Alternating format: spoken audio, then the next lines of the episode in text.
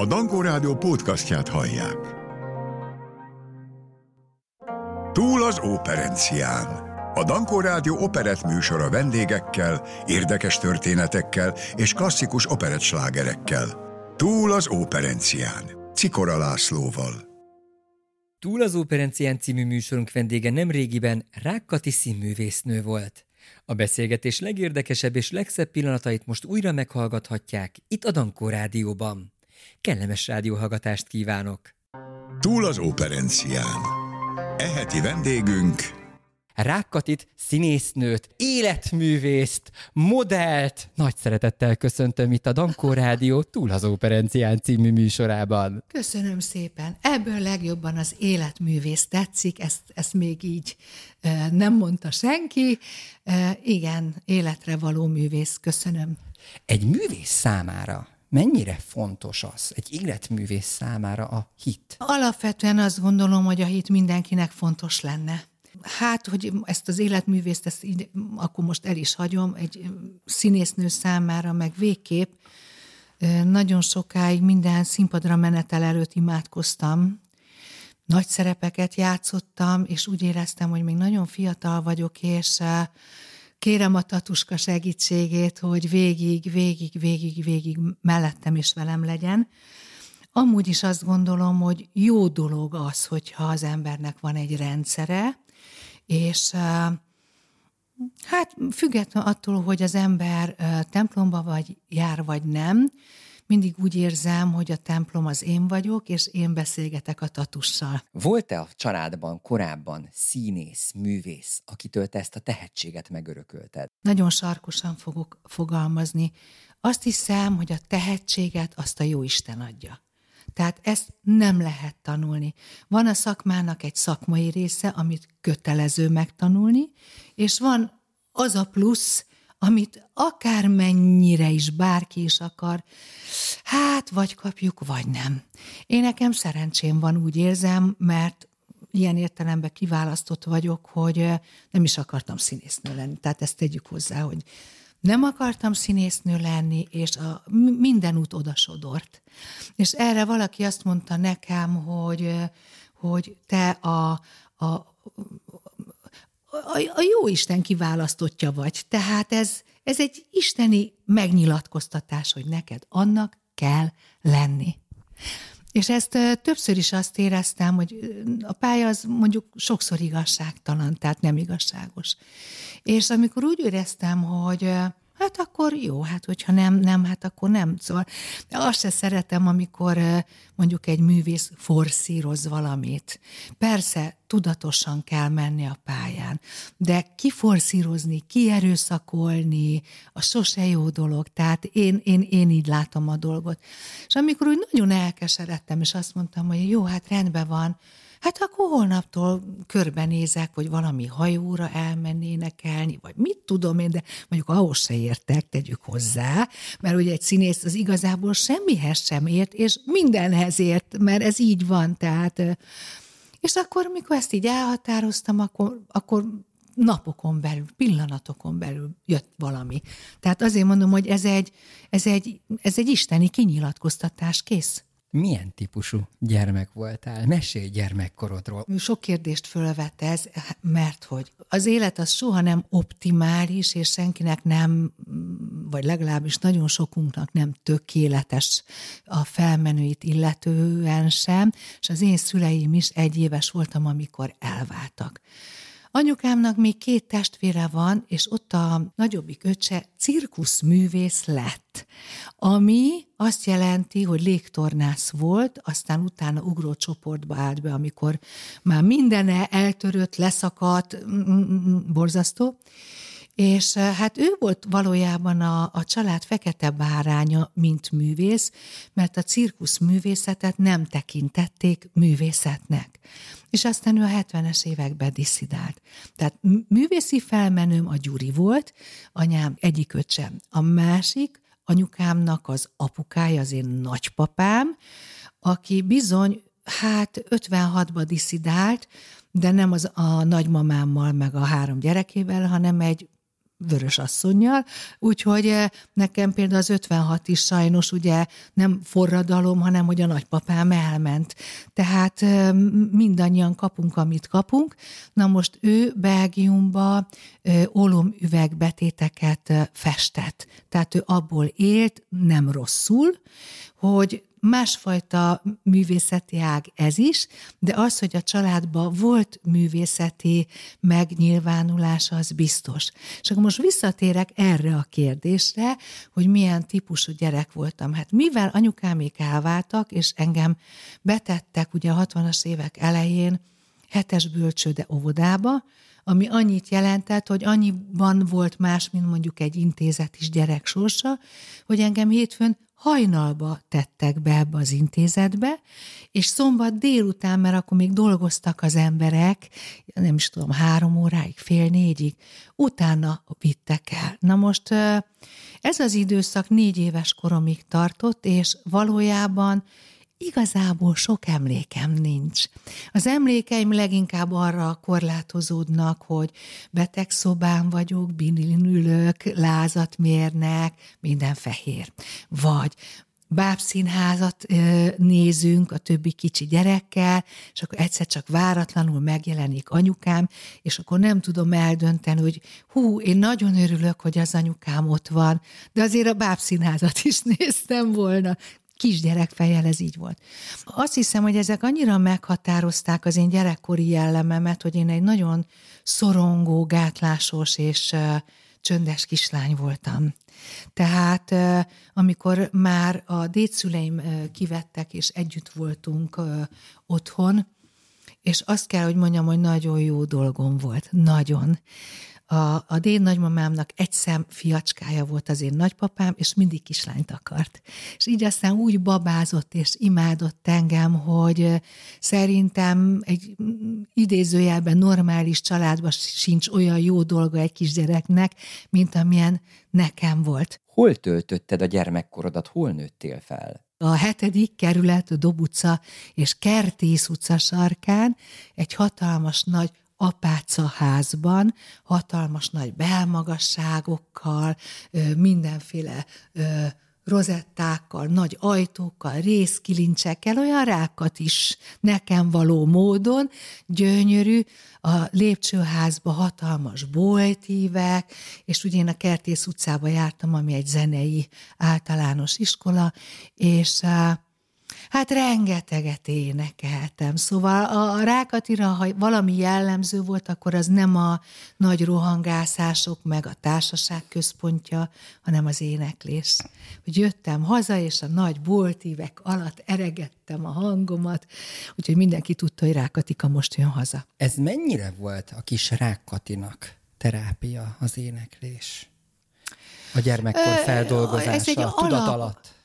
Hát nem is tudom. Nekem a zene minden egyébként a mai napig, és azt látom, hogy, hogy az elmúlt években valahogy ez kicsit csökkent, és ez megijeszt. Hogy vajon miért? Hogy túl sok-e a teher, ami rajtam van az elmúlt éveknek a különböző nehézségei, mert azért, azért volt itt egy Covid, amikor a színházak bezártak, egy rezsicsökkentés, amikor a színházak bezártak. Na de azért pont a, az előzményekből fakadóan nem olyan fából faragtak, hogy én csak úgy hagyjam, hogy legyűrjön az élet. Ugye csináltam egy saját színházat, és azoknak a kollégáknak, akik szintén ilyen ö, nehéz helyzetben voltak, ha nem is sok pénz, de legalább sok örömöt okozott ez a, ez a hangszínház, amit létrehoztunk, megterhelő, előteremteni a pénzt, előteremteni magát a, a munkát, megiratni, azt megiratni ilyen hangszínházi formátumba, azt begyakorolni nagyon sok próbával, mert ez nem felolvasó színház, ez nem rádiószínház, ez valami egészen speciális. Egy zenei általános iskolába jártál. Ott ki volt az a pedagógus, aki a te életutatat próbálta irányítani, vezetni, hm. fogni a te kezedet, és mai napig szeretettel emlékezel vissza rá? Volt-e ilyen pedagógus? Ez nagyon zseniális a kérdés, mert pont tegnap gondolkodtam ezen, hogy mennyire fontos a mentor, a tanár, és mennyire szerencsés az, aki, aki talál életre szóló tanárt, mentort. Nekem ebből a szempontból változó volt. Tehát egészen kicsi gyerekkoromtól emlékszem óvónénire, akivel aztán 30-40 év után egy buszon ültünk egymás mellett, és ránéztem, és, és akkor kérdeztem, hogy jól emlékszem, hogy a Bíró utcai óvodába, és mondtam, hogy ez Nóra néni. Szóval hogy emlékezhetek rá? Olyan nagy hatással volt rám. Aztán ö, általános iskolában is, de nem az énektanár. Ö, és ott még nem is tanultunk úgy zenét, vagy legalábbis én nem emlékszem rá.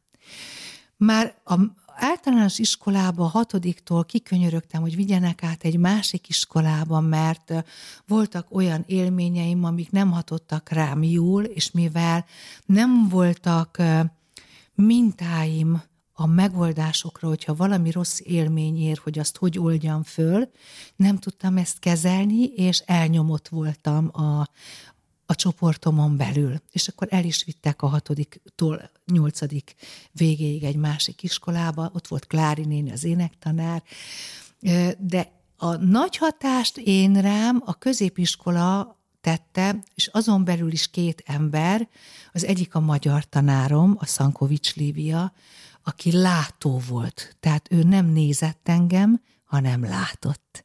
És mindig mondta, hogy na, maga kis béka.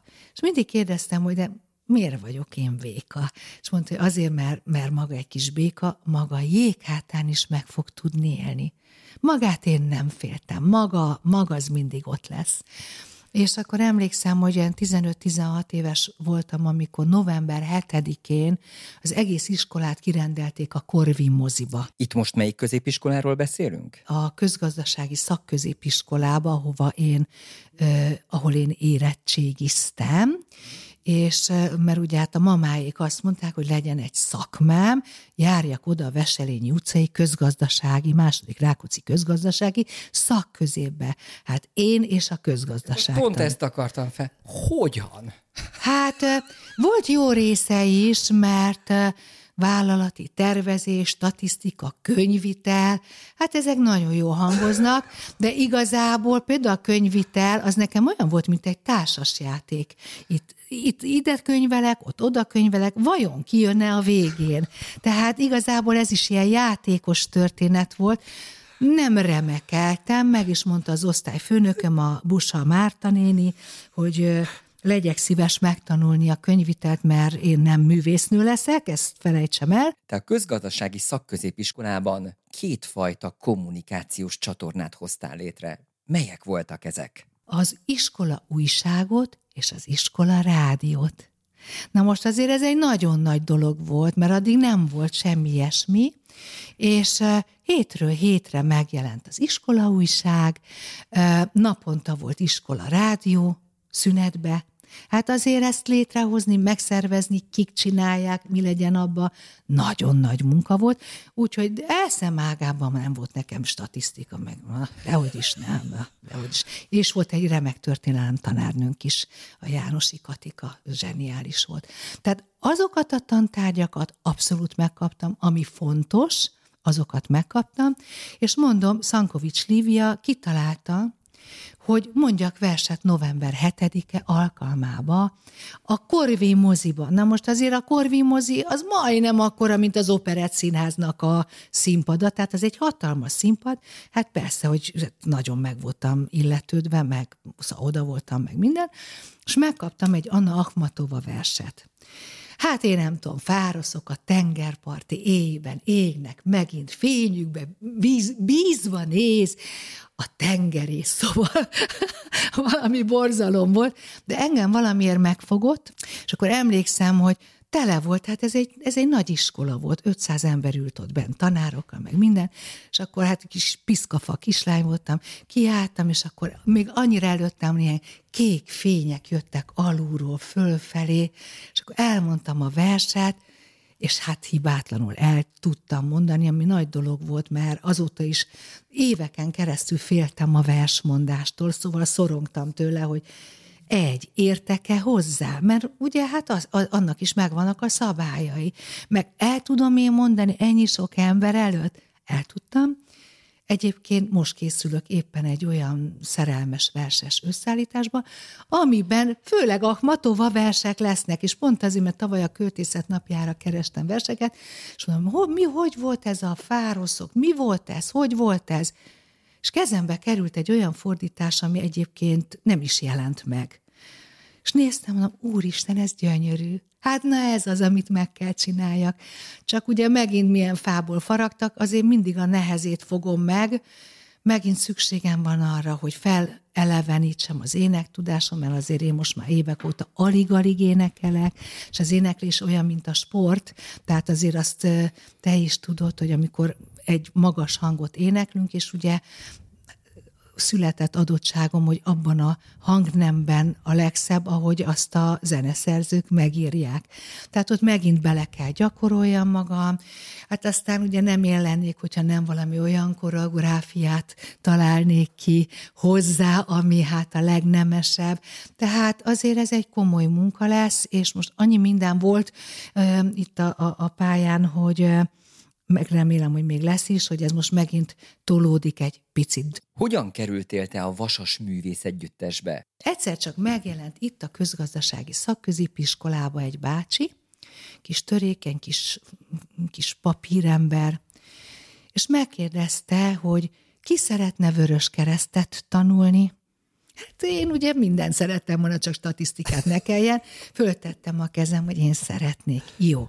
És ki szeretne kórusba énekelni? Hát az éneklés az igen. Hát én szeretnék a kórusba énekelni. Na jó, így azt elvégeztem egy vörös keresztes tanfolyamot, úgyhogy megtanultam életeket menteni, ez nagyon jó dolog volt, és elkezdtem a Vasas Művész Együttesbe járni. Na hát ez volt életem egyik legjobb döntése, mert ugye az egy vegyes korosztályú kórus volt, hát én voltam a legfiatalabb, 14 évesen, és akkor jött mindenféle generáció, a 80 valahány évesig, és a Vaslajos volt a karmester. Na most azért a Vaslajos, ő egy nagyon nagy személyiség volt. Nem csak zeneileg, zeneileg is, és emberileg is. És hát én négy évig oda jártam, heti kétszer, nem nagyon engedtek a mamáék el, mert ugye az este hétig tartott, nyolcig. Hát ott voltak nehézségeim, mert mikor bármi rossz jegyet hoztam, akkor megmondták, hogy nem mehetek a kórusba. Hát az nagy büntetés volt, tehát az nem úgy, hogy nem mehetek a kórusba, hát belehaltam. Ugye említetted azt, hogy a kórusban te voltál a legkisebb, a legfiatalabb. Igen mennyire óvtak, mennyire vigyáztak? Hát én voltam a babuci, hát mindenki szeretett, ölelt, minden. Éveken keresztül már régen nem jártam oda, még mindig sokan Facebook mikor bejött, hát az még csak tíz éve jött be, és ez mikor volt? 40 éve, már lassan 50 éve, nem is tudom, 100 éve, szóval nagyon régen.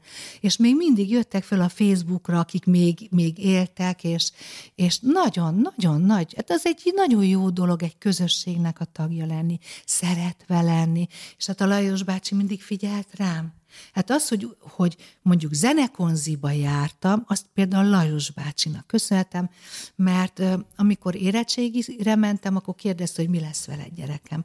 Mondtam, nem tudom, Lajos bácsi, fogalmam nincs, hogy, hogy, hogy, és mint, és hát mondta, hogy neked mindenképpen zenével kell foglalkozni, de azért ne felejtsük el, hogy ez a 70-es évek vége volt, ami azt jelenti, hogy még professzionális kórusok, tehát ez még a rendszerváltás előtt volt, tehát nem voltak professzionális kórus, volt kettő magyar rádió énekkara, illetve opera énekkara, passz, esetleg operett színház énekkara. De ezek ilyen átjárásosok voltak, tehát tudom, hogy aki engem tanította, az, aztán később a színművészetén, ő a rádió énekkarába énekelt.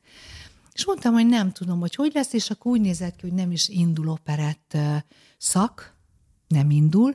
Jelentkeztem prózára, ahol nem kerültem be elsőre a színművészeti főiskolára, nem kerültem be. Utólag később kiderült, hogy bekerültem, bekerültem, csak volt egy államilag limitált státusz, 15 főt vehettek föl, és én már a 16 voltam, és én voltam ott is a legfiatalabb, és azt mondták, hogy én még várjak. Volt egy főiskolai felvételi, amin igaz, hogy felvettek, de pont nem fértél be létszámilag. Hogyan kerültél te Síkolgához Vaslajos bácsin keresztül? Azt mondta nekem a Lajos bácsi, hogy a Síkolga nénihez menjek el, el is mentem, fölhívtam, hogy a Lajos bácsi mondta, hogy, hogy, hogy jelentkezzek, és megtetszene engem hallgatni, meghallgatott, és azt mondta, hogy hát egy kincs van a torkodba, figyelj, fel foglak venni, de nem hozzám, mert nálam már teljes teltház van. És ugye ez már augusztusi felvételi volt, egy pót felvételi, és így én a Holzer Irmához kerültem, illetve egész pontosan a Lugosi Melindához. A Lugosi Melinda és az Irma együtt végeztek akkor a Zeneakadémián, a, a Melinda egy évig tanított, és utána született egy kisfia. És akkor jött be az Irma, és ő vett át engem. És én ott három évet töltöttem el, nem is végeztem el a negyediket, mert akkor indították a színművészetén.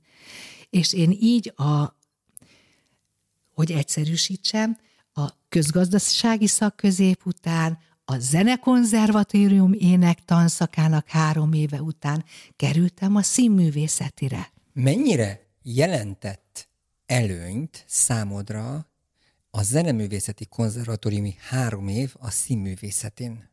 Mert ott azért kaptál egy elég komoly hangképzést. Alapvetően, ne, én ugye musical szakra jártam, operett musical szakra. Szerintem mindenkinek kéne tanulni a zenét, főleg a színművészeti főiskolásoknak. Sokkal többet, mint amennyit, amennyit a, a prózisták is kapnak. Ezt a mai napig látom, hogy zseniális színészekkel dolgozom együtt a hangszínázba, és mégis otthon a férjemnek mindig panaszkodom, hogy hogy lehet, hogy nem hallják, hogy nem érzik a prózai szövegnek a lüktetését, hogy hol állok meg, meddig tudom tartani a csendet, mikor jó, mikor mondom, hogy nem így, hanem úgy, nem erre, hanem arra. Tehát ezek, ezek technikai dolgok, szakmai dolgok, mm, és akkor azt mondta a férjem, hogy figyelj, akkora előny, hogy te zenét tanultál, mert te ezeket is tudod. És nem azért tudom, mert, mert, mert a színművészeti főiskolán prózából megtanították, hanem azért, mert a konziba, a zenében megtanultam ezeket. Tehát minden mindenre épül, minden élmény, minden tudás egymásra épül, és ha nem egymásra, akkor mint egy pázul egyszer csak összeáll. Amikor bekerültél a főiskolára, Kazán tanár úr osztályába és Versinyida osztályába, milyen volt velük együtt dolgozni? Illetve egy fiatal, egy fiatal, gyönyörű, energikus hölgyet mennyire hoz lendületbe, vagy éppenséggel mennyire fékez be egy főiskola? Én úgy kerültem oda, hogy nem volt semmilyen előképzettségem. Amikor nekem azt mondták, hogy helyzet gyakorlat, fogalmam nem volt, hogy mi az. Tehát amikor az első órán a kazán tanár úr bejött, és akkor fogott egy pötyös labdát, és akkor odadobta, hogy kapd el, és mondjál egy szót és akkor nem tudtam, hogy jó, parketta, vissza kellett dobni a labdát. Akkor dobta a másiknak, rajtam kívül mindenkinek volt előképzettsége. Tehát ez hátrányt jelentett, de ugyanakkor előnyt is, mert annyi, annyi, ö, annyira nyitott voltam, és annyira elfogadó arra, amit, mert ez is egy fontos dolog szerintem, az instruálhatóság, a befogadó képesség, hogy, hogy mondanak neked valamit, és valóban akard azt megvalósítani. Nagyon sok embernél látom, színésznél látom, hogy van egy gondolata, és az nem mindig fogadja el a rendező gondolatát, pedig az egy jó dolog, hogyha valami jó hatással találkozol. Én a szakmai tudást ugye mindent a kazántól kaptam, mert nem volt előtte nekem. Ida nénit meg mindannyian imádtuk, remélem, hogy, hogy mindenki a szakmába egyetért velem, mert ő egy ilyen nagy mackó anya volt. Nekem jó páros volt, mert az egyik őjüktől a prózát, a másik őjüktől az operai, tehát a zenei részt tudtam megtanulni. Aztán ez egy másik dolog, hogy így utólag 40 éve a pályán én még el tudtam volna viselni egy, egy operett színészt, egy igazi színészt, hogy tanítson.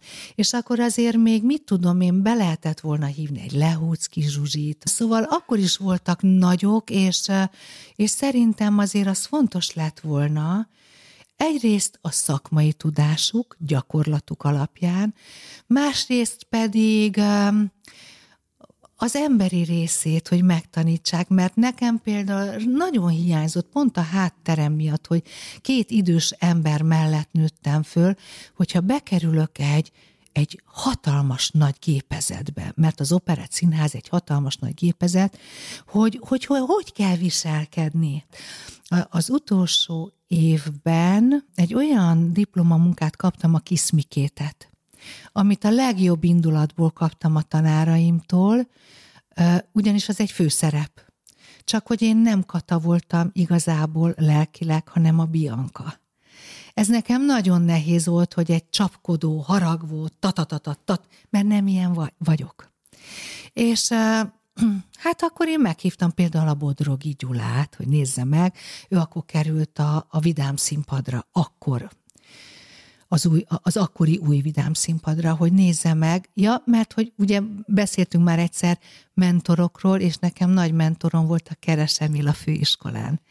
Én imádtam a Keresemilt, többek között beszédtechnikát tanított, és ugye én már másod, az, a zenei szak, a, az operett musical szak megengedi, hogy már másodévtől mehessél színházba gyakorlatra, én a Madács Színházba kerültem egy kis szerepbe, de az a kis szerep azért az nagyon jó volt nekem a patika, szépernő patikájába. Nagyon emlékezetes volt, és eh, mai napig eh, örülök, hogy azt én megkaptam, mert eh, mm, megtanított engem abstrahálni, hogy én egy kép vagyok, ami aztán egyszer csak leszáll a keretből, és megszemélyesítődik. És akkor arra emlékszem, hogy gyerekek voltak azon az előadáson, amikor beugrással kerültem, akkor egy perc alatt néma csönd lett. Hát azért az nem kis dolog az ember 20 nem is tudom, három évesen, 22 évesen, hogy megtapasztalni, hogy milyen az, amikor egy teljes telt házban a madácsban, az nem kevés, néma csönd diákokból. És és akkor a keresemil egyszer csak azt mondta, hogy volna-e kedvem a Radnóti színpadon beugrani a Pécsi Ildi rendezésébe, a szerelmeskedésébe, az a Lukiános ókori görög írónak a darab, és az Ildi azt átírta. Hát persze, hogy volt kedvem, hát na, na, hogy volt kedvem. És be is ugrottam, hát nem tudom, hogy mennyire voltam jó, nem tudom. Minden esetre, minden előadás után én kérdeztem a Pécsi Ildit, aki ugye rendezője is volt és átírója a darabnak, hogy Ildi milyen volt, mit csináljak, hogy csináljam. Milyen volt a vele való közös munka? Szorítkozunk most a Radnóti színpados Aha. időszakra, mert aztán később még találkoztam vele, majd elmesélem azt is. A Radnóti színpadon nagyon jó volt. Ott nagyon jó volt, tehát egyrészt nyilván, hogyha az igazgató valakit ö, ö, oda tesz, és nyilván azért teszi oda, mert lát benne fantáziát, én úgy gondolom, hogy egy jó színházigazgatónak az is feladata, hogy a színészét felépítse szerepről szerepre. És, és ez így is indult el az életem, vagy a, a, a tanár úr kezdtük ezzel, aztán belekerültem más darabokba, és épültem és épültem. Az Ildi, ugye ő már akkor egy sztár volt, 40-es éveiben volt, talán a 40-es évei elején, én meg a 20-as éveim elején, tehát én neki nem voltam rivális, tehát megengedhette azt, hogy kvázi gyerekem, elmondom neked. És én ezért nagyon hálás voltam, és tényleg nagyon sokat tanultam tőle. Azt mondhatom, hogy ezt az előadást nem is tudom, három évig játszottuk, és a végén már szinte csak a mi jeleneteink voltak tapsosak, tehát azért ezt megérte fejleszteni. És azt is megtanultam a mai napig, hogy muszáj fejleszteni, tehát nem lehet mindig ugyanazt, hanem figyelni kell előadásról előadásra az energiákat, milyen aznap a közönség, milyenek a kollégák aznap, mert ugye ki innen jön, ki onnan jön, ki ilyen ö, szinkronból, vagy olyan forgatásból, más az energia, hogy tudsz segíteni, hogy tudsz alámenni. Tehát ezek nagyon izgalmas dolgok.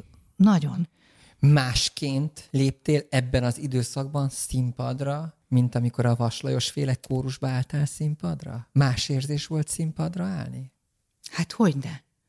Hát a Lajos bácsinál én egy kis nokedli voltam a, a sok drága, aranyos kórista között, hát én egy kislány kórista voltam. Még akkor is például volt olyan előadásunk, vagy egy oratóriumot énekeltünk, amikor meghívott vendégek voltak, és mindenki már akkor mondta ott a kórusban, hogy miért nem te énekeled? Hát mert kislány voltam, hogy énekeltem volna, tehát nyilvánvaló. Amikor egy nagy szerepet énekelsz, akkor például visszaszoktál-e gondolni, vagy nagy szerepet játszol színpadon? Visszaszoktál-e gondolni a régebbi időkre, és hogy Úristen, milyen hálás vagyok, hogy én itt, itt állhatok?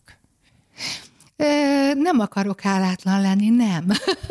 Az a korszak lezárult. Arra mindig, mindig, mindig nagy szeretettel, és a, a, azokra, akikre emlékszem, nagy szeretettel emlékszem.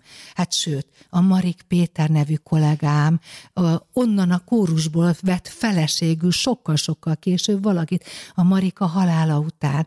Hát ott voltam az esküvőjükön, tehát persze, de ami, ami lezárult, az lezárult az, az, azt, azt én a szívemnek egy rekeszébe elteszem, de az volt. Amikor egy nagy szerepre készülök, akkor a feladat van előttem. Ezerrel.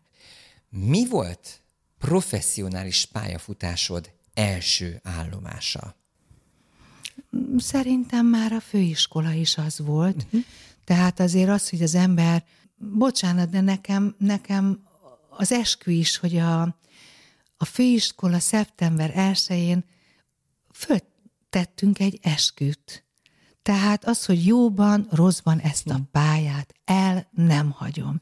Nem tudom, hogy ez divat-e még, de én még a helyrést emlékszem, ahol az Odri színpadon álltam a, a, a leendő osztálytársaimmal.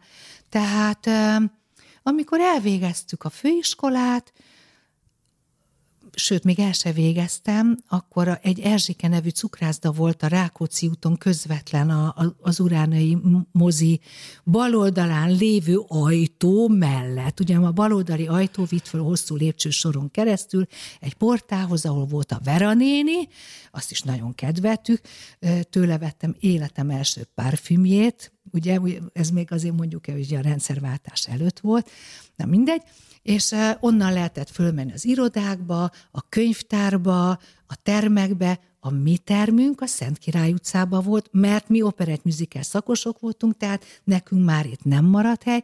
A kisvizsgákat a fekete kis terembe tartottuk, csupa fekete körfüggönnyel volt, és az Odin voltak a nagy vizsgák.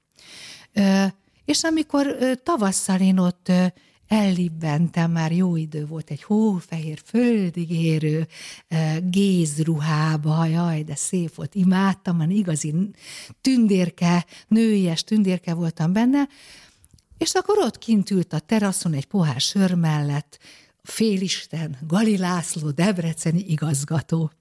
És akkor ült ott, és nézte, hogy ki ez a gyönyörű szőke kislány, ott a földig érő, söpörtem a földet a ruhámba, és akkor utána megkérdezte, hogy nem volna kedve eljönni Debrecenbe. Mondtam, hogy de nagyon szívesen volna kedvem, de én már a Radnóti színpadra elköteleződtem, tehát egy, egy szerepre, hogyha esetleg lehet, akkor boldogan. És így történt, hogy, hogy én a főiskola után a Radnóti színpadon játszottam több prózai szerepben, és a Gali Lászlónál Debrecenbe debütáltam a Mágnás Miskával. Mennyire volt Debrecen egy fiatal színésznőnek, egy gyönyörű színésznőnek otthona, egy építő közege, egy olyan teátruma, ahol igenis lehetőséget kapott arra, hogy kibontakoztassa azt, amivel a Jóisten megáldotta, illetve olyan motivációs időszakot kapjon, ami tényleg elviszi egészen élete végéig. Ez a kettőség, hogy két helyen játszottam, ez igazából meggátolta azt, hogy én Debrecenben nagyon elmerüljek. És itt föl kellett tennem magamnak a kérdést, hogy én Debrecenben teljes mértékben leszerződöm, az mivel jár, és hogyha Budapesten maradok, az mivel jár. De hát ezt eldöntötte a sors, mert ugye én akkor ismertem meg a férjemet, 83-ban, és... Név szerint? Cető Bernát Lászlót. Mivel foglalkozik? Hát ő író, dramaturg, és teljesen véletlenül munkában ismertük meg egymást, mert az én egyik tanárom, a Félix László, aki prózistáknak volt az osztályfőnöke, és mi, mint mint párhuzamos osztály, statisztálhattunk az ő vizsga előadásaikba.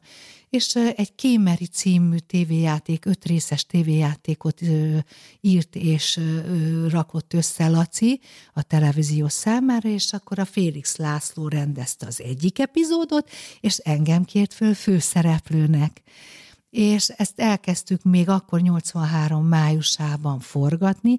Én ott egy zenefelvételen találkoztam Lacival, de hogy mennyire nincsenek véletlenek, akkor szeptemberben teljesen véletlen ott találkoztunk Debrecenbe, és kiderült, hogy Laci pedig másodállásban ott dramaturg. És akkor így eldőlt a sorsunk, hogy úgy mondjam, mert hát ugye ő, ő itt a televízióban dolgozott, én a Radnóti színpadon, ő ott másodállásban volt, én meg ugye pribandonnáskodtam, és akkor egyszer csak hát összekötöttük az életünket, és három évig ment ez így, szerepek, szerepek itt is, ott is, és jött Sacika. És akkor Sacikával én nekem feküdnöm kellett kilenc hónapot, ott Debrecenbe kimentem a klinikákra, Hát ott megállapították, hogy 1,4-szer 1,7 babzsáknyi kis picike sacikánk van, de le kell feküdni vele, szóval. És akkor én végig feküdtem vele, Gali Laci nagyon szerette volna, hogy még csináljam végig az évadot, de nem lehetett, azt el kellett döntenem, hogy kisbaba legyen, vagy ez a szerep menjen végig, akkor éppen Karamazov testvéreknek a Grusenkáját játszottam, ami egyébként érdekes, hogy próza volt. De játszottam én ott szabad széltől kezdve, tehát nagy, nagy komoly kihívásokkal teli operett főszerepeket. Hát azért azt is el kell, hogy mondjam, hogy lekettőztek ott, mert annyi elfoglaltságom volt, és Hát megmondom őszintén, hogy egyszerűen megijedtem, mert a művésznő, akivel én le voltam kettőzve, itt Pesten az operába Turandotot énekelte. Hát mondtam, jó, de most akkor, ha ő turandot, akkor én ki sem nyitom a számat. Mondták, hogy nyugodtan nyisd ki a szádat, mert ő operából fog a Pele Erzsébet, egy gyönyörű hangú énekesnő volt. Igen, gyönyörű hangja volt. Hát mondom, Pele Erzsike kinyitja a száját, akkor én már ki sem megyek a színpadra, hát ez nem úgy van. Mondták, de nyugodtan menj ki, az Pele Erzsikés lesz, te pedig rákat is leszel. Ez operett karakterű lesz, más lesz a, a dolog, és ezt is megtanultam, hogy ez is egy izgalmas dolog, hogy soha nem kell azt nézni, hogy ki, menj, hogy meg mint, és szorongani tőlem, mert ahány szereplő az olyan. Tehát a néző az elmegy és megnézi, és most idézőjelben azért mondom, megnézi a német Marikával, vagy megnézi a Honti Annával, vagy megnézi a nem tudom kivel, mert arra kíváncsi, hogy az a szereplő, ő ő hogy szeret, vagy ő hogy énekli a szerepet. Mi volt az a három szerep, kik voltak azok a karakterek, az a három karakter, akik a debreceni időszakban azt gondolod, hogy a mai napig az életedre hatással vannak. Szerepileg gondolod? Igen. Debrecenben. Debrecenben. Csak Debrecenről van szó. Hát, az azért nehéz, mert hogyha az ember 40 évből három évet vesz ki, az mondjuk És ugye... véletlen. Igen. az, az azért nagyon nehéz. Egyrésztről az ügynök halála az nekem például nagyon meghatározó volt, mert ott találkoztam a Mensáros Lászlóval, aki a folyosón meglátott és hátra hőkölt. És azt mondta, Úristen, Molnár Ferenc hattyú. Na most mi az ügynök halálában dolgoztunk együtt, és a Laci bácsi egyénisége, személyisége úgy munkában, mint emberileg nekem nagyon-nagyon sok, so, tehát erős hatású volt. De például sokan nem szerették a kollégáim közül, de én nekem például a Beke Sándor rendező, aki rögtön az első darabot, a Mágnes Miskát rendezte, hát alapvető volt szakmailag, hát az nagyon sokat adott. Tehát az, hogy egy primadonnának hogy kell bejönni a színpadra, nem csak bejönni, bekóricálni, és aztán sok évvel később még szerencsém volt, voltak hakni szervezők, olyan igazi hakni szervező, például Halmi Gábor, és az ő egyszer azt mondta nekem, hogy te figyelj, így ember nem tud bejönni a színpadra, hogy te berobbansz. Tehát, hogy beszaladok, és itt vagyok, tessék, vegyenek, vigyenek, itt vagyok. Most életed egyik legnagyobb csodájáról, Saciról kérdezlek. Mesélj kérlek első szülött gyermekedről. Az első gyerek, az első gyerek státusza szerintem az mindig megismételhetetlen. Szóval én valahol azt olvastam, hogy minden mindenkinek megvan a családban a státusza. És a gyerekeknek is megvan egyrészt a szülő felé a státusza, első szülő, tehát az, a, az, az maga megismételhetetlen csoda. A második gyerek, hát az nagyon jó, de ahogy a Dunai Tomi mondta, hát a legnagyobb boldogság, ha még van egy harmadik gyerek is, és ő meg a pici gyerek státusza. Tehát... Említsük akkor nevek szerint is meg jó, a gyerekeket. Hát nálunk ez se úgy van, mint a legtöbb családban, mert ugye én kaptam egy évesen egy kislányt, Klárikát, ugye Lacinak az előző házasságából. Klára, Sára, és Barbara Bianca, akit egyszerűen csak mircikézünk, úgyhogy um, igen, sokan úgy zavarba jönnek, hogy most akkor ez kicsoda, Barbara, vagy Bianca, vagy Mircike, de Barbara lett volna az eredeti neve, de a kislányok azt mondták, hogy de Bianca is legyen, de akkor legyen Barbara Bianca is. Egyébként ugyanakkor született például a Hegedűs D.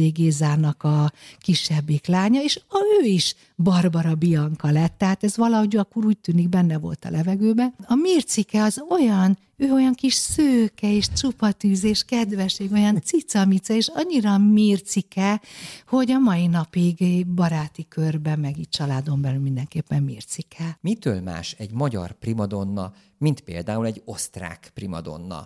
Hát sokféle válaszom van.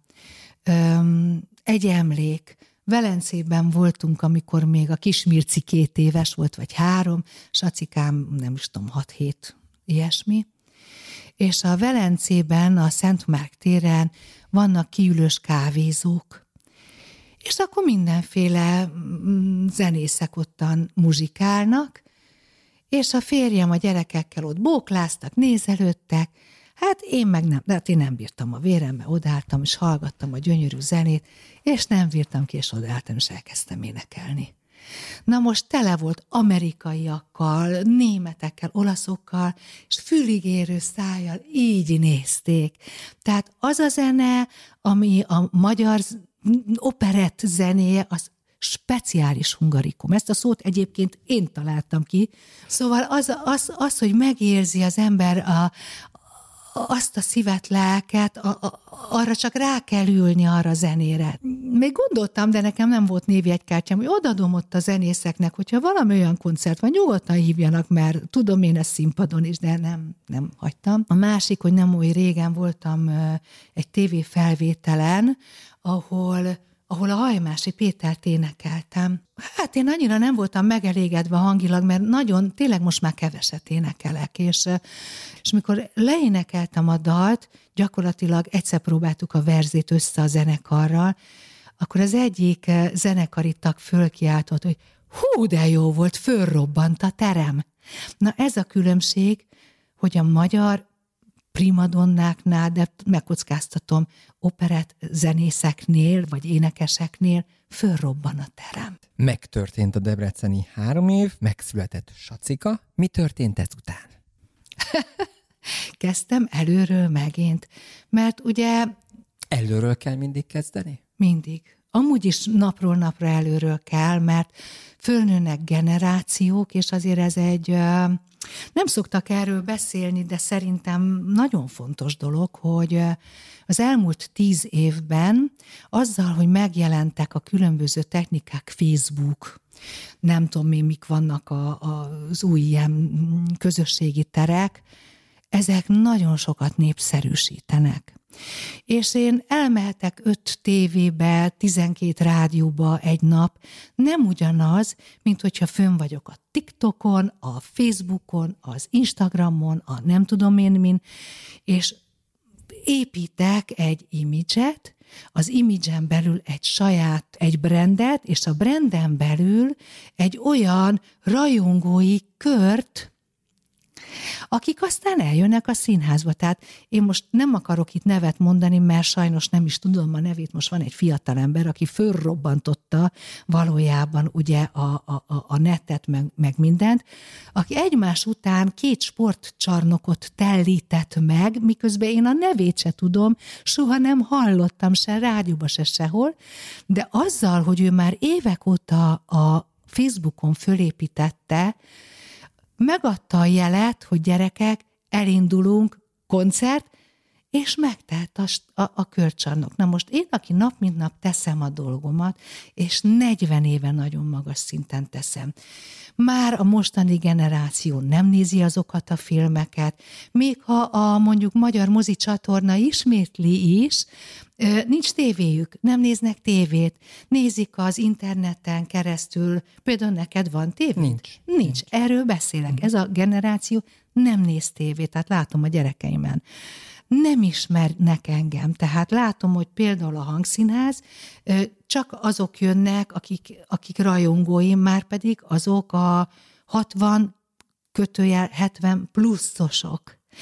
Miközben alig várom, hogy a 30-asok jöjjenek. Ugye az elmúlt években rengeteg technikai újítás következett be minden felületen. Mennyire követed ezeket, vagy mennyire próbálsz fejlődni e területen, hogy tudjál magadról hírt adni? A technika akkorát változott itt az elmúlt 10-15 évben, ami, ami, hogyha valaki ezt nem tudja használni, akkor már lemaradt. Tehát eh, fontos, hogy például nekem is fontos, hogy ezeket megtanuljam. Hát, na én nagyon félek ezektől, mert már az egész családom mindenki tudta a, a komputereket használni, én még mindig nem, és ráadásul mindig mindenkinek előbb vettünk mindenféle kütyüt, mint nekem, és gondoltam, hogy á, nem kell ez nekem, már minek ez nekem, de hogy is kell nekem, úgyis papírból, mert hát ugye ott ki tudom preparálni, tehát akár rendezek, akár játszom, oda, odaírom, hogy itt ilyen, itt mosolygóarc, itt szünetet, aztán jelekkel, zenei jelekkel lekottázok mindent, prózát is, amit egy kütyűbe, mondjuk a telefonomba, hiába ő okos, de nem tudom megcsinálni. De azért ezek nagyon jó dolgok. És Debrecen után hol bizonyítottál, hol kell? Debrecen után ez ugye Saci megszületett, és a keresemilt nyugdíjazták. Őt megtartották, de de már nem ő döntött. Jött az új igazgató, mindenkit leváltott, tehát már nem nagyon volt hova visszamenjek, és akkor elindult megint, azért ugye előtte nekem rengeteg film elindult, mint jeleztem, Lacit is egy, egy ilyen filmfőszerepemnél ismertem meg, Déli Bábok országa, Mészáros Márta filmfőszerepem, nem tudom, rengeteg, rengeteg tévéjáték és opera tévéjáték, még olyanba is szerepeltem, nem is egybe, de hát avval, hogy, hogy én végigfeküdtem, és nem voltam jelen, Hát, megint kiestem a körforgalomból, hogy úgy mondjam. És akkor ugye a Harsányi Gabi, aki, aki a Radnóti színpadon játszott, akkor még Hököm színpad volt a Karinti színpad, kérdezte, hogy nincs kedved nálunk? Hát mondom, hát Gabikám, veled, dehogy nem.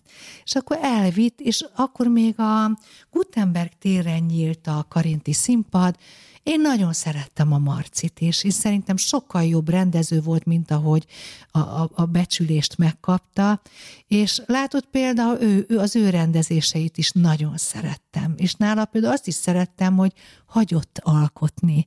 Tehát, hogy, hogy nem, nem ragaszkodott minden izében. Volt olyan rendező az életemben, hát azt, na, azt, azért, azt azért nem kívánom, aki még azt is megmondta, hogy hogy fordítsam a partner felé a fejem. Szóval azért azt gondolom, hogy egy rendező egy komoly művésszel ö, dolgozik, azért ekkora bizalomnak kell lenni, hogy azt tudja. És emlékszem, hogy ugye ugye debütáltam Debrecenbe a Mágnás Miskával, és jó néhány évvel később a Marci megcsinálta a Mágnás Miskát, és ott, és akkor fölhívtak Szolnokról, hogy náluk is van Mágnás Miska, nem ugranék be, mert sorozatba le, betegedett a primadonájuk. Hát mondtam, dehogy nem. És akkor délután négykor én megkaptam a kis szövegkönyvemet, és szembesültem a 6-8-ados ritmusnál, hogy ez bizony nem a vásárra, hanem az ügetőre, a lóversejre Mondom, te jó Isten, és akkor most mi lesz? Mert hogy én ezt itt ma rollának, hogy itt belépője nem lesz, az biztos. És akkor megint mi történt? Tehát elmondtam az igazgató úrnak, a Svajda Gyuri volt, mondom, drága Gyuri, Hát bocsánat, én itt nagy szívvel azt mondtam, hogy beugrom, de, de hát bocsánat, itt azért ég és föld a szövegkönyv, tehát minden szöveg más a daloknál, Hát az biztos, hogy itt ma este nem lesz, és még lehet, hogy két-három hétig nem lesz belépő. Hát mondta, jó, hát akkor nem lesz, mit csináljunk? Hát mondtam, nem tudom más. Akkor én ott bejövök bal hátsó föntről, nem tudom mi a díszlet, majd megmutatjátok, és akkor azt fogom mondani a férfiaknak, akik ott lesznek körülöttem, hogy utánam, uraim, irány a lóverseny. Átjöttem a, a, a néző, a színpadon, bal hátul és jobb elsőn kimentem. Hát nem mondom a közönségnek azért, eltágult a szeme, de hát, hát rájöttek, hogy beugrás, hát, hát ezen nincs mit tenni, de cserébe volt olyan kettősöm a marcsával, mert ott remek marcsám, minden jó marcsám volt, de ott, volt a számomra leginkább tetszetős császár Gyöngyike, aki tényleg nem tudott énekelni, ugye azt mondja, Miska, mit óbégasz marcsa. Na ez a marcsa tényleg óbégatott, de olyan humorral, hogy meg kellett tenni és ott cserébe viszont olyan kimeneteleink voltak a marcsá, hogy végig tapsos, ami például addig ott szolnokon nem volt. Szóval, hogy kérdezett, hogy mi, és így aztán elindult, hogy itt is, ide is meghívtak, oda is meghívtak, aztán elkezdődött a játékszínbe is, és egy kicsit így utólag ennyi év után azt mondom, hogy picit föl elforgácsolódott ez, jobb lett volna egy helyen. De ebben az egyben nem volt szerencsém az életem folyamán, mert ahogy mindig azt akartam, hogy egy férjem legyen, úgy azt szerettem, hogy egy munkahelyem is legyen. De ez nem mindig rajtunk múlik. A szabadúszó pálya, az mennyire életbiztosítás? És lelkileg ezt hogy lehet viselni? Úgy, hogy közben még adni tudjon az ember a közönségének, hogyha már adhat. Igen. Azt hiszem, hogy sokunk nevében beszélhetek, hogyha azt mondom, hogy nem életbiztosítás, sőt, sőt, kutya vacsorája, így is mondhatnám, még akkor is, hogyha esetleg valaki kapós, és sokat viszik. Akkor sem, mert ott van a nyár például, amikor esetleg nem dolgozik. A rendszerváltással ugye minket színészeket kivettek a, a közférából. Ez szerintem baj volt. Ez, ez, akkor is azt gondoltam, most is azt gondolom, hogy hát mondok neveket, Sinkovics BT, Kállai, KFT, tehát most direkt azért olyanokat mondok, tehát nagy neveket, leszámlázza az előadást, eleve borzasztónak találom. Alkotói közösségek eleve kellenek, még akkor is, hogyha egy-egy vér frissítés, egy-egy új színésszel kell. A, a létbiztonságot meg szerintem művészlelkeknél, akik eleve érzékenyebbek mint egy normális ember, mert hát valljuk meg, mi a különbség köztünk, meg mondjuk a piacon az eladó között? Semmi.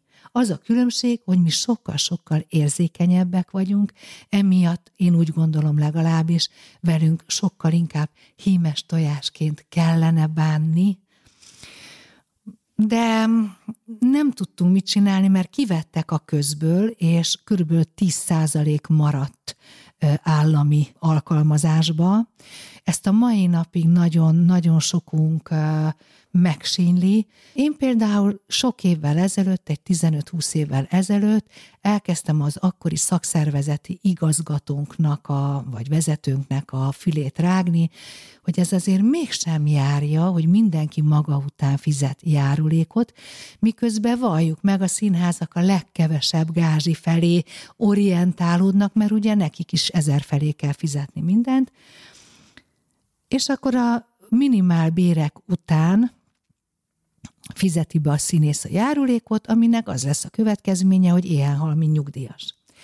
És hát ez tényleg egy ilyen jó bő 15 éve volt, és akkor tudtam, hogy kollégák ilyen 21, 28, 31 ezer forintos nyugdíjakból élnek, hát az borzasztó. És addig rágtam a fülét, amíg aztán végig nem vitte ő, hogy 100 ezer forintra kiegészíthették.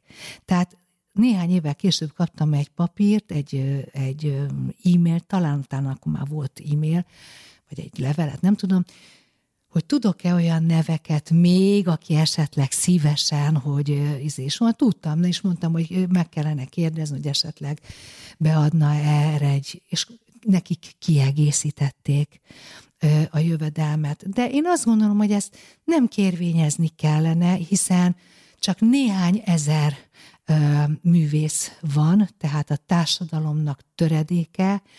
Mi nem 8 órába dolgozunk, hanem 12-16 órába, mert az én agyam akkor is egyfolytában jár, és gondolkodik, amikor egy buszra szállok, vagy villamosra, és kattog az agyam, és figyellek téged, ahogy figyelsz engem, hogy más az arcod, más a tekinteted.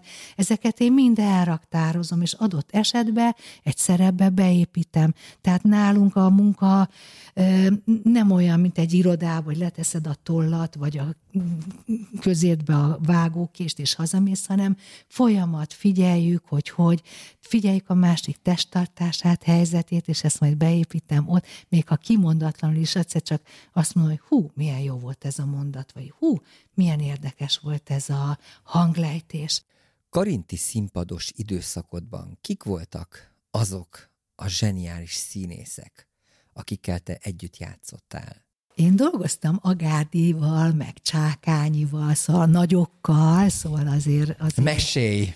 Milyen Jaj, érzés volt hát velük? nagyon jó. Nagyon. Na, hát az, az még Karinti színpados koromban volt, és eh, Máté Erzsé, hát nem is értettem akkor, amit mond, mert olyan fiatal volt, amikor mondta, hogy a színpad az olyan, mint a szex.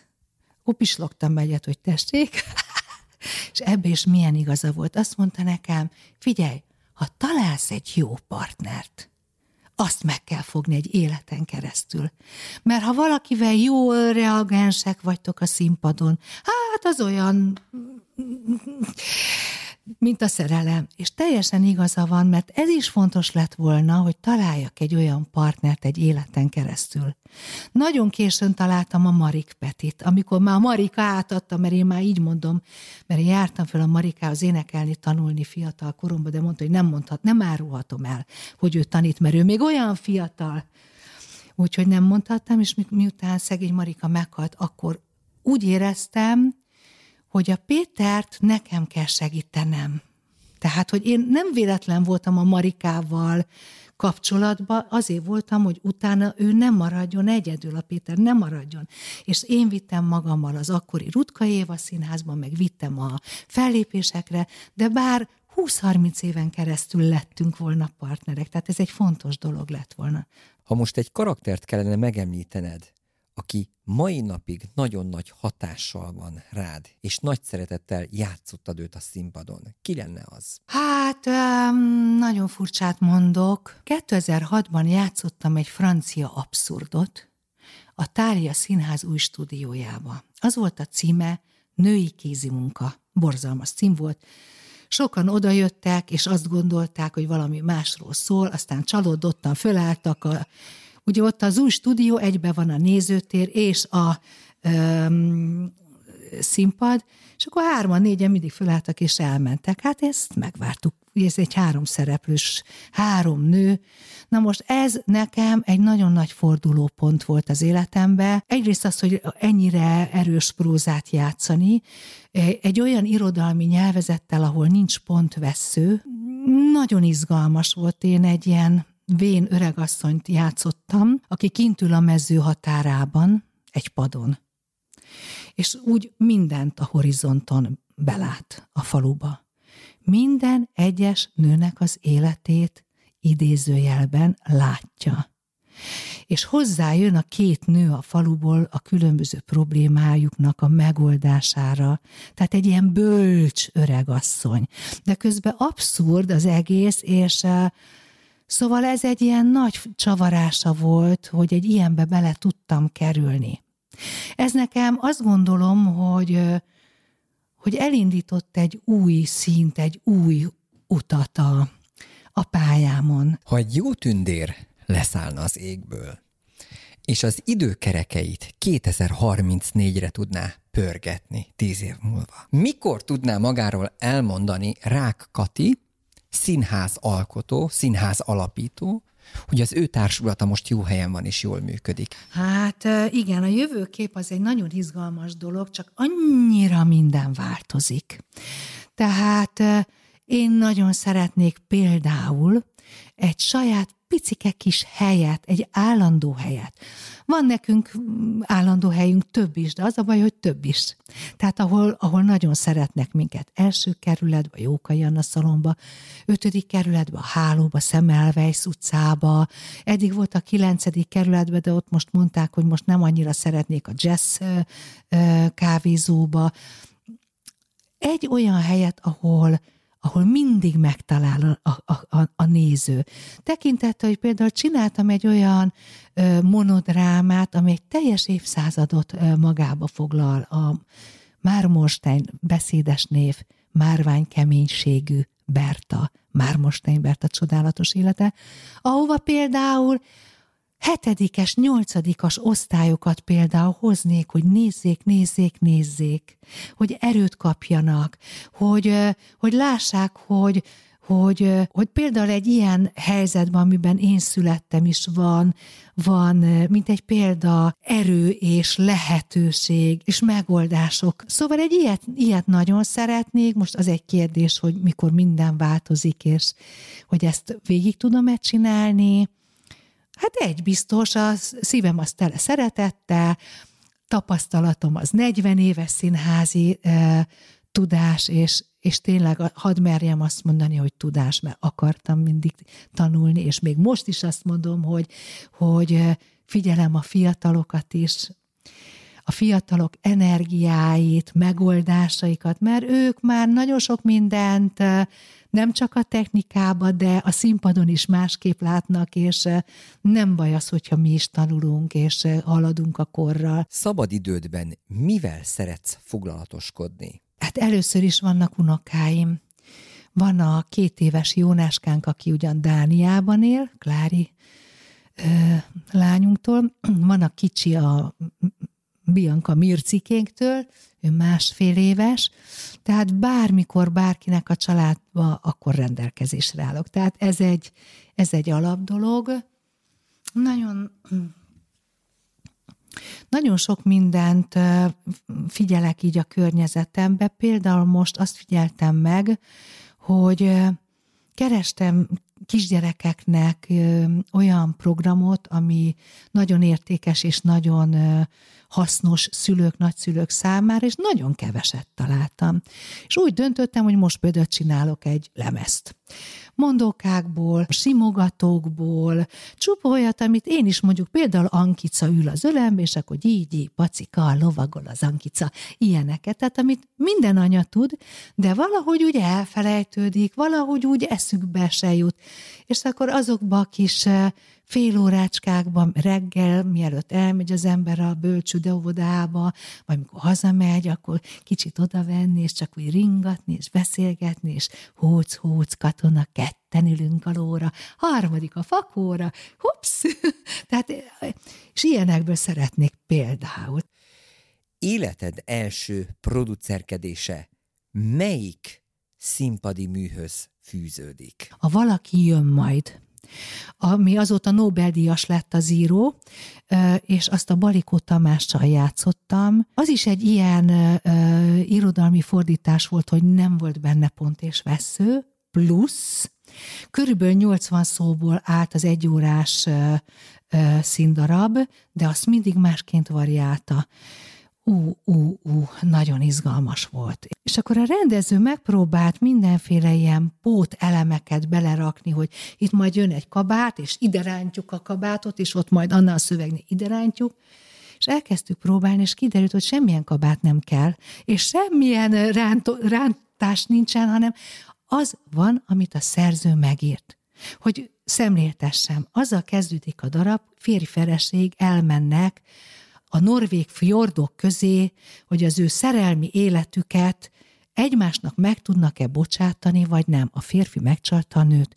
Nagyon sok, tehát ez a helyzet, mint olyan, nagyon sokszor előfordul a házasságokba, tehát nézzünk akkor a mélyére. Úgy kezdődik, hogy egymással szembe áll a Balikó és a Rákati azt mondja, és, és azért egy kabátot, ha már megcsináltattam pénzért a jelmeztervezetben, akkor tegyük a hátunkra, ugye akkor már szerepeljen az a nyomorult kabát, rajtunk volt, és egyszer csak szembefordultunk egymással, és azt mondja, a férj, ez a mi házunk.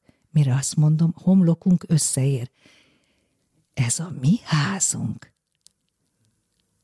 Na most végig így ment az egész, hogy amiket mondtunk, egy másodpercnyi kihagyás nem lehetett, figyelni kellett, izgalmas, érdekes, és valójában egy krimi szerűen volt az egész megoldva, és a végén a néző eldönthette, hogy amikor megjelenik a harmadik ö, személy, aki történetesen itt egy férfi, és bejön a darabba, és a férj azt hiszi, hogy pedig hát nem, és ülnek a legvégén egymással mellett férfi és nő, hogy van-e feloldása egy ilyen helyzetnek. Meg tudunk-e bocsátani az elkövetett bűnöknek vagy nehézségeknek?